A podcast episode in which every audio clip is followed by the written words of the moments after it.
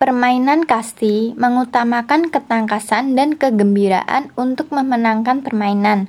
Satu regu dituntut untuk bekerja sama dengan baik dan kompak. Kasti merupakan salah satu permainan bola kecil. Permainan kasti termasuk salah satu permainan yang dimainkan oleh tim atau regu.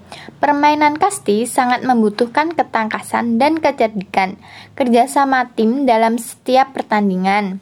Di samping kerjasama, setiap individu dan tim harus menguasai gerak spesifik permainan tersebut. Untuk melakukan permainan kasti dengan baik, seorang perma pemain dituntut untuk menguasai gerak spesifik permainan kasti.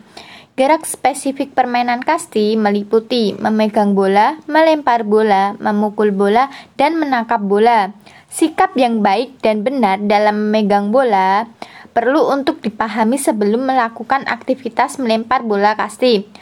Berikut ini cara melakukan pegang bola dalam permainan kasti.